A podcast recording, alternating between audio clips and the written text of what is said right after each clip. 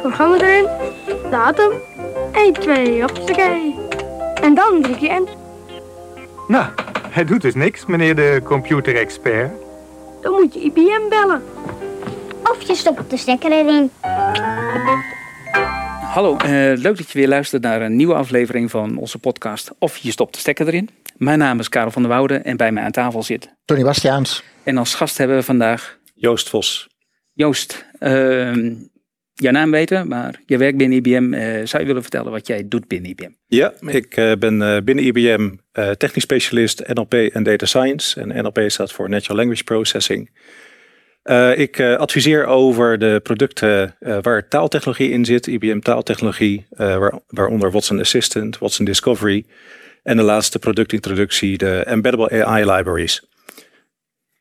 Een heel breed, heel breed scala. Daar, daar, gaan we zo echt even dieper op in. Want volgens mij uh, moeten we daar van allerlei leuke dingen uit kunnen halen. Ik denk het wel. Maar voordat we dat doen, uh, natuurlijk eerst eventjes. Heb jij iets meegenomen? Iets wat de luisteraars ja. leuk vinden of interessant even, vinden? Twee dingen. Um, IBM I bestaat dit jaar uh, 35 jaar.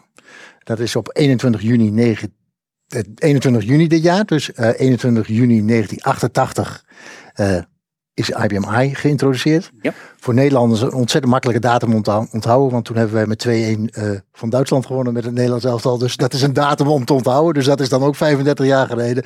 Um, maar uh, de hele IBM I community zal daar gedurende dit jaar uh, aandacht aan besteden.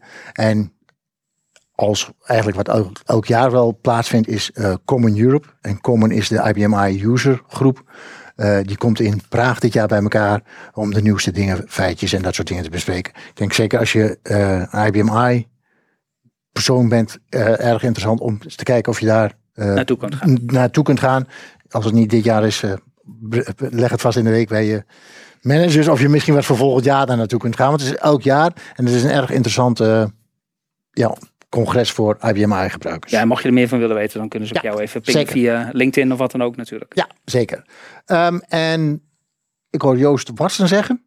Um, ik zag um, dat uh, SAP gaat samenwerken met IBM om Watson AI uh, solutions uh, te gaan ja, embedden. Dus daarin toe te voegen om zo meer insight over je data te krijgen. Ik weet niet of dat iets is of wat jouw werkvlak raakt of dat dat alleen... Mogelijkerwijs, ja. ja. Ik uh, ben net een week met uh, vakantie geweest, dus ik heb het uh, persbericht nog niet kunnen lezen. Um, ik begreep dat het wat meer aan de frontend zit, zeg maar. In account, ja. in apps, hoe dat functioneert en hoe dan dingen naar, naar de klant toe gebracht worden, ja. zeg maar. Antwoorden makkelijker maken, zeg maar. Dus ja, de... ja als er in taaltechnologie in zit, dus ongestructureerde informatieverwerking, dan zal er ongetwijfeld een stuk natuurlijke taalverwerkingstechnologie in zitten. Uh, middels hè, bijvoorbeeld een chatbot, een assistant. Uh, dat zal ongetwijfeld via die technologie ook uh, naar de eindgebruiker gebracht worden. Ja, nou, uh, het is goed om wat te lezen. Dus dat ik mee. Het is op de website te vinden, dus we zullen de link in ieder geval ja. eraan toevoegen. Zeker. Ehm, ja, als je dan toch over AI praat. ik denk dat het ook leuk is om nog even te melden. er is een IBM Technology Channel op YouTube. Ja. Uh, er was dit keer een update over QRadar Suite, maar ook een update over de storage. En nog wat andere zaken. En uh, ze kijken nu met de storage laag, met AI, machine learning, om uh, te zien van hey, hoe kunnen we kijken of de data corruptie plaatsvindt op het storagegebied. En dat doen ze dan door data-analyse te doen een van de volgende stappen daar, ook in dit proces, is dan in het tweede stuk van het halfjaar uh, van 2023 om te kijken naar, kunnen we dat ook doen op onze flashcom modules? Nou, daar zit rekenkracht in onze flashcom modules, ja. dus we gaan kijken of we dat daar kunnen doen, zeg maar, om dat echt in lijn te kunnen gaan doen. Dus data corruptiedetectie. Uh, wil je er meer van uh, weten? Ja, hou in de gaten wat er gebeurt op onze flash ja. systemen, zeg maar. En ik denk uh, als laatste nog eventjes, als je niet genoeg krijgt van podcast, uh, toch nog even weer aandacht aan onze Smart Talks op IBM. Er zijn nu al drie seizoenen. Wat meer algemeen. En de laatste was over uh, 355 dagen in space. een stuk met de astronaut Mark van der Heij. Dus misschien leuk om ook te luisteren. Ook daar een half uurtje extra ja. informatie. Zeker. Goede podcast. Ja, en dan graag oh, terug naar ons gast. Want jij bent aangesloten. Um, Ik denk als je kijkt naar eh, AI, eigenlijk de ontwikkelingen. Als je kijkt naar, eh, want jij doet meer in het gebied van Watson, hè? dus alles wat met Ja. Watson te maken heeft. Ja. Eh, voor de luisteraar, ik denk de eerste keer dat die met Watson wat te maken hebben gehad, was natuurlijk tij- tijdens denk Jeopardy, zo'n beetje. Dat was de eerste grote. Ja. Ja. waarin IBM liet zien wat Watson, wat AI kon doen. Maar dat is daarna veel verder ontwikkeld. Jij liet wel weten dat ja. er veel meer producten zijn dan dat. Hè? Dus dat Ja. het niet meer alleen. ehm, en we zien natuurlijk in de markt op dit moment de ontwikkeling van AI. Eigenlijk is mijn, ja. mijn eerste vraag, voordat we helemaal richting dus dat Watson-technologie gaan. Waar zitten we volgens jou in de hele hypecurve? Heb jij daar enig idee over AI en over dat soort? Zitten we op de bult? Zitten we in het dal? Of zijn we nu aan het klimmen en laten we het echt veel meer zien wat we aan het doen zijn? Nou, ik denk dat het meer cyclisch is, hè, wat we eh, door de jaren heen hebben gezien. En eh, nou, misschien is het goed om eerst te beginnen zeg maar, met de historie van AI en hoe IBM zich daarin heeft eh, bewogen. Eh, AI stamt eigenlijk uit de jaren 50 en sinds die tijd is IBM eigenlijk ook al betrokken in het, eh, in het vakgebied van kunstmatige intelligentie. En kun je computers intelligente dingen laten doen die eigenlijk overeenkomstig zijn met cognitieve en menselijke taken. Een van de eerste experimenten waar IBM eh, succesvol in is geweest, dat is eigenlijk machine vertalen, machine translation. En dat is de Georgetown IBM experiment uit de jaren 50 eh, geweest. Dat was eigenlijk de eerste toepassing van, eh, eigenlijk echt de eerste ja, richting commerciële toepassing. Is van- dat een beetje als Google Translate? Als voor de mensen die ja, eigenlijk is dat, is dat een hele vroege voorloper daarvan. Ja. En het, ehm, daarin werd eigenlijk laten zien dat we met computertechnologie rond, ik meen dat het 250 zinnen waren, eh, vanuit het Russisch naar het Engels konden eh, vertalen gebruikmakend van een machine. Ehm, dat ze die twee lang, eh, taal hebben gekozen trouwens. Maar er staat denk ik van god dat ze Ja, wel- ja, ja, ja, ja. Toen Dus- de, de grote wereldmachten. En ik Ja, denk dat zou wel- juist dat zeggen minder makkelijk was om te vertalen. Zeg maar. Ja. Ja, ja. En wat je toen zag was eigenlijk dat die technologieën ehm, heel veel op eh, statistische methodes eh, gebaseerd werden. Ehm, en dat, dat zien we eigenlijk tot en met nou, de jaren 80, jaren 90 eh, aan toe. We hebben midden jaren 80 nog. Hey, even Joost, even daarop. want- Ja, sorry dat ik op- jou onderbreek. Maar jij zegt op statistische methodes. Hoe, hoe moet ik dat zien in taal dan? Want als ik statistisch denk of hoor, ik denk niet statistisch, maar statistisch hoor, dan denk ik aan wiskunde, aan getallen. Ja. Hoe, hoe, hoe, ver- ver- ver- hoe, hoe houdt- verhoudt zich dat dan met taal dan? Want als je vertalingen doet, hoe, Ja. kun je toch niet statistisch doen? Of kom ik dan een beetje over, over, buiten jouw gebied? Nee, no- normaliter niet. Eh, maar je kunt taal wel representeren in, ehm, eh, in getallen. Hè? Dus, dus eh, wat we zeker de laatste jaren hebben gezien. De vectorrepresentatie, de vector embeddings. Wat je dan eigenlijk doet is dat je een, een collectie aan, aan woorden die een zin maken. Dat je dat representeert in een getalsmatige vector. En daar kun je natuurlijk van alles en nog wat aan, aan analyses aan doen. Hè? Dus bijvoorbeeld een woordvoorspelling. Dus eh, eh, eh, een type ahead suggestie die je op je telefoon hebt. Op het moment dat je die statistische patronen kunt herkennen in hoe taal gebruikt wordt, dan zou je het volgende woord kunnen voorspellen op het woord wat je nu aan het, wa- wat je net getypt hebt. Dus, en dat is precies ook waar een ChatGPT op, op gebaseerd is. Het kunnen voorspellen van het volgende woord. Ehm, dus daar zitten zeker statistische patronen achter eh, die je ook kunt, eh, kunt thuisbrengen. Oké. Dat begon volgens mij ooit met het woord aanvullen wat je aan het tikken was. Dat was makkelijker op het moment dat je met letters begint. Precies. Dus dat gaat Ja. zich verder ontwikkelen. En is men nu aan het kijken van, hey, wat, of dat weet men al van, wat is het volgende woord of wat is het volgende gedeelte van de zin. Ja, ja en dat is, dat is ook weer typische menselijke taak. Hè? Want als wij nu met elkaar praten, dan probeert het brein eigenlijk automatisch eh, het volgende zin of het volgende woord in de zin eh, te bedenken. Hè, zodat je echt kunt inleven in, in een conversatie. Ja, en we zien nu dat die technologie eh, daar eigenlijk ook op dat punt aankomt dat we hè, met generatieve eh, technologie eigenlijk een hele conversatie kunnen gaan voeren. met aan de ene kant de mensen en aan de andere kant de computer. Dat is wel heel datahongerig. Hè? Dus je moet er heel veel data aan voeden om zo'n systeem enigszins ook betrouwbaar te maken. En dan als je zegt data hongerig is, dan wil je dat, dat gebruik je dan initieel om het systeem te voeden, zeg maar. Precies. Ja, Op het moment dat het ontwikkeld is, dan heb je dat, de brondata niet meer nodig. Dan hou je die brondata altijd. nee, nee, dan heb je het model, wat, Ja. wat we dus een large language model noemen. Ehm, en dat produceert dus de, de gegevens of eigenlijk de, de conversatie zoals we hem nu kunnen voeren met bijvoorbeeld een ChatGPT. Ja. ja. ja. En, en jij gaf al aan in je introductie dat het weer heel veel modules, we noemen nog steeds Watson erin, zou ik maar zeggen. Is dat eigenlijk allemaal Watson gerelateerd, zoals wij het kennen, of pretenderen te kennen, laten we het zo zeggen? Ja, Watson wordt eigenlijk gepositioneerd. Ja, het is eigenlijk een paraplu-term. Het is een, het is een containerterm waar eh, ontzettend veel aan technologie onder valt. Uh, mijn domein is echt het stuk taaltechnologie. En wat er dan binnen die taaltechnologie onder uh, Watson ondergebracht is, dat is uh, Watson Assistant, het uh, conversatie AI-platform van IBM. We hebben Watson Discovery, dat is het Intelligent Document Processing platform van, van IBM. dan hebben we de Embeddable AI, dat zijn eigenlijk op zichzelf staande containers die je als softwareontwikkelaar kunt gebruiken om daar je eigen applicaties omheen te bouwen. dus het zijn eigenlijk hele lichtgewicht containers met die kerntechnologie, die kerntaaltechnologie van IBM erin, uh, die je kunt verpakken in eigen softwareapplicaties. Um, dan hebben we nog uh, de translator, dus de vertaalservice van, van IBM. Dus eigenlijk overal waar een stuk van die taaltechnologie in zit, dat wordt Watson genoemd. Oké, dus echt daar in, in het doel. Ja. En, en uh, Karel, je had het al over Jeopardy, het, het spelprogramma waar ja. we met ja, met, met, onze computers, uh, zal maar zeggen, Jeopardy hebben gespeeld. Echt een Amerikaanse spelshow. Dat je het antwoord krijgt en dan de vraag erbij moet geven. En daar uh, de dingen doen. En daar hebben we volgens mij echt, dat was ten ere van 100 jaar IBM. Volgens mij hebben we toen meegedaan.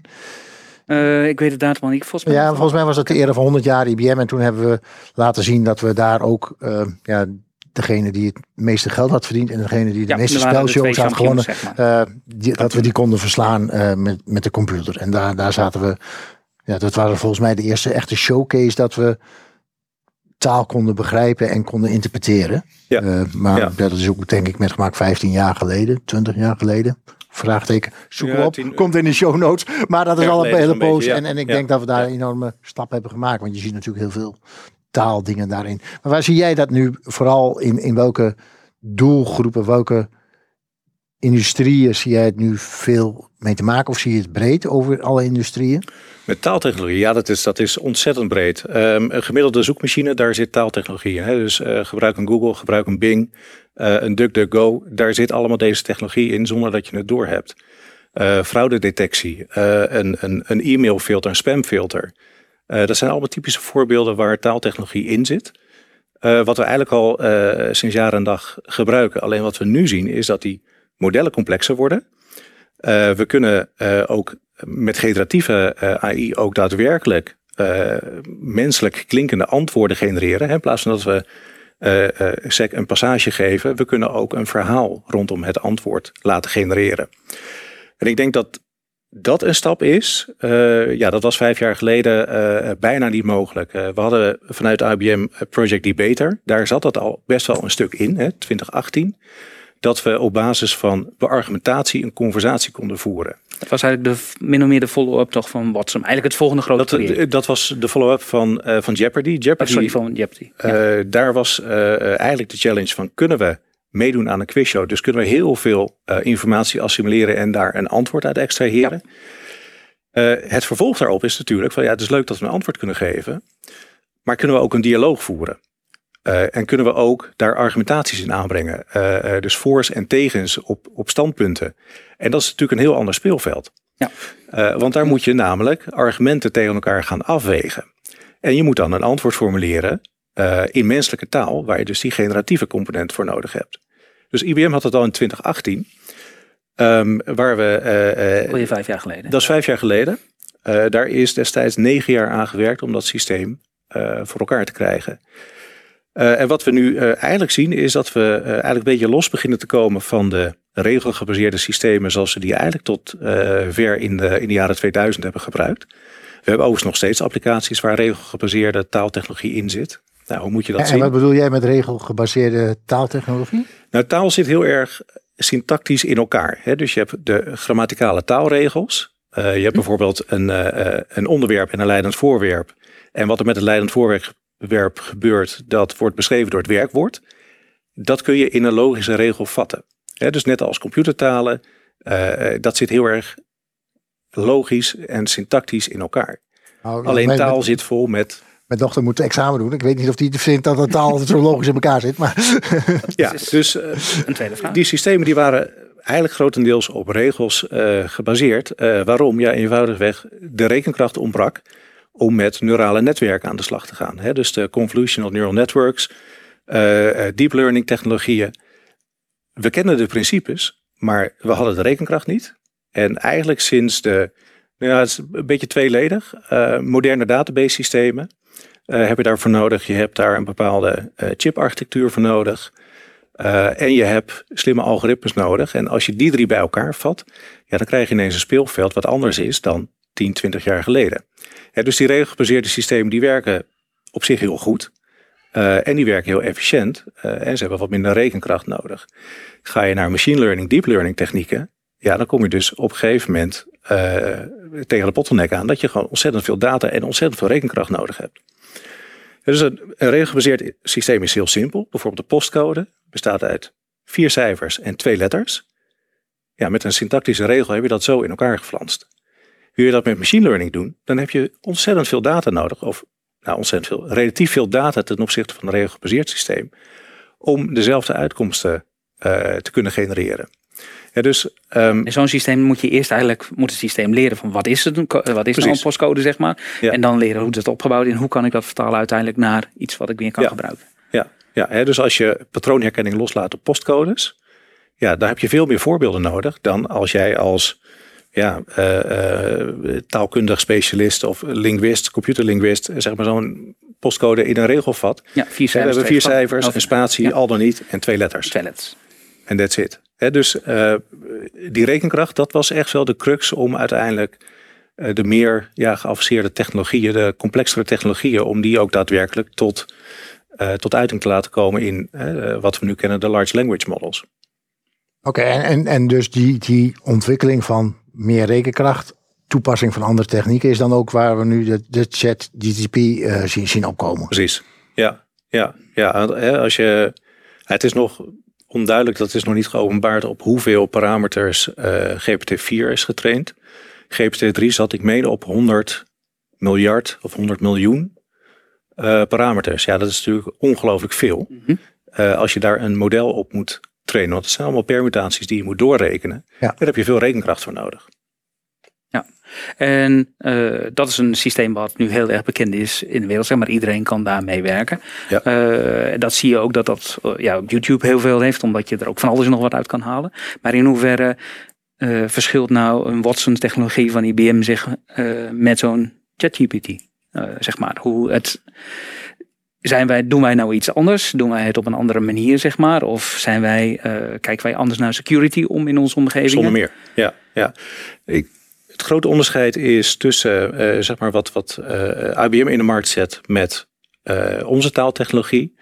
eh, en wat OpenAI met eh, eh, ChatGPT in de markt heeft gezet. eh, dat is eigenlijk eh, generalistische AI.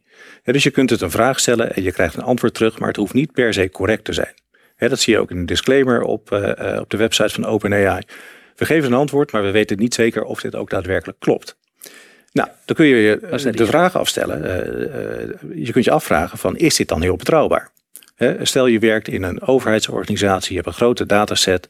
eh, er wordt van je verwacht dat je accuraat werkt, dat je precies werkt. Kun je dan een antwoord, met een antwoord op de prop komen, waarvan je niet zeker weet of het klopt? Stel je gaat een dergelijk systeem gebruiken voor het beantwoorden van kamervragen. Ja, dat moet correct zijn.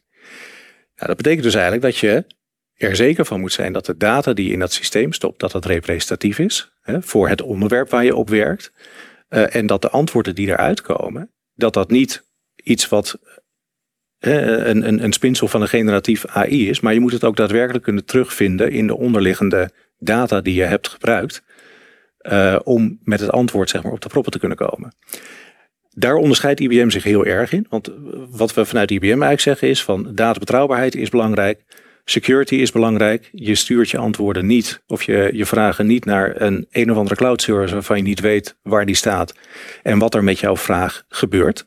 Wat we bij ChatGPT hebben gezien is dat eh, eh, vertrouwelijke informatie van Samsung gelekt is omdat Dat was een hele duidelijke, ja. engineers ehm, ja, patentinformatie in ChatGPT hebben gegooid om te kijken van hè, eh, wat is er bekend over dit onderwerp.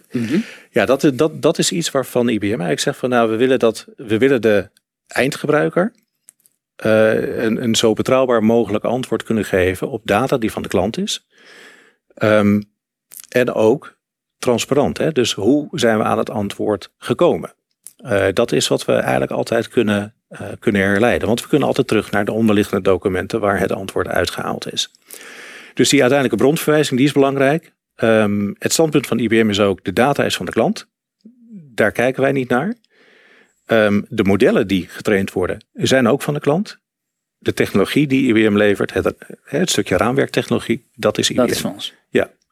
ja dus als je het hebt over uh, vertrouwelijkheid van data, dat is goed geregeld bij ons. Als je het hebt over uh, transparantie, um, ook dat is goed geregeld. Uh, de data blijft staan op de plek waar jij hem wil hebben staan. Dus wil je dat in de IBM Cloud doen? Dat kan. Wil je hem in de Azure Cloud doen? Dat kan ook.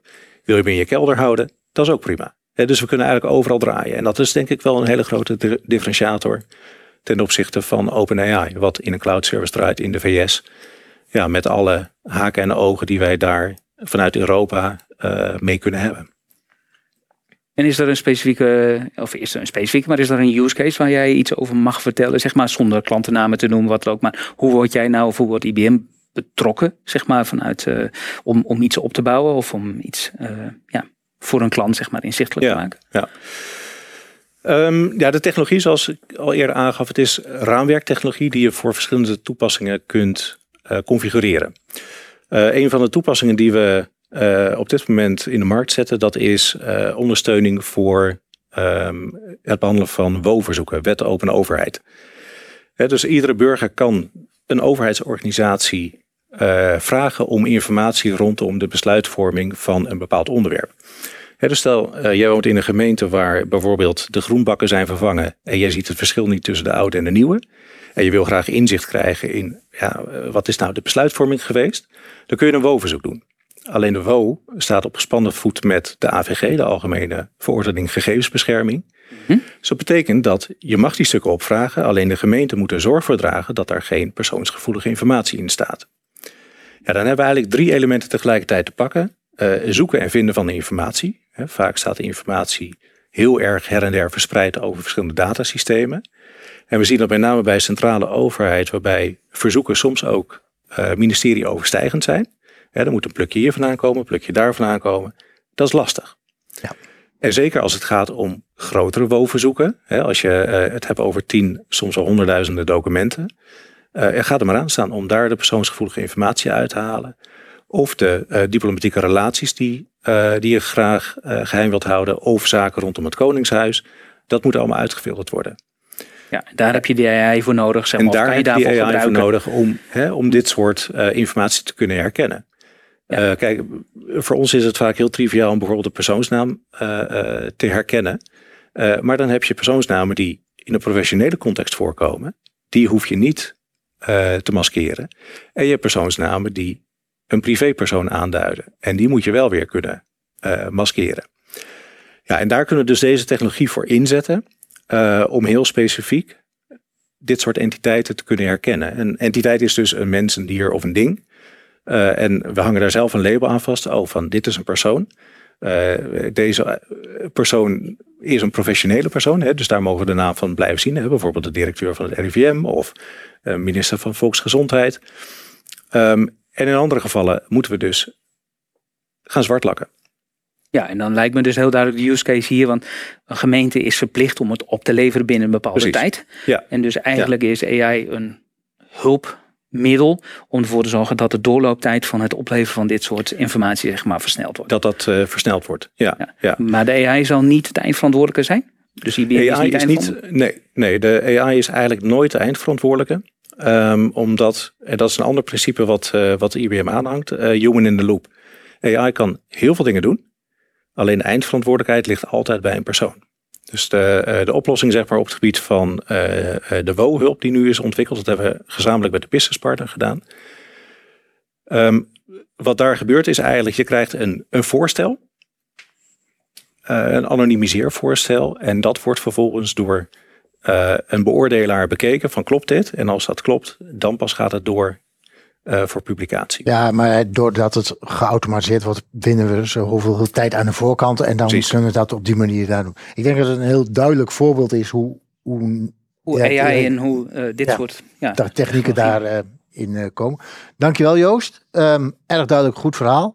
Als mensen meer willen weten over dat wat, wat we het net over hadden, NLP eh, eh, en AI, die combinaties en meer voorbeelden. Ze kunnen altijd contact opnemen met jou, neem ik aan. Zeker? Ja. ja. Ehm, en dan eh, op dit moment eh, trekken wij de stekker eruit. Ik vond Joost, het dankjewel. interessant. Erg interessant verhaal.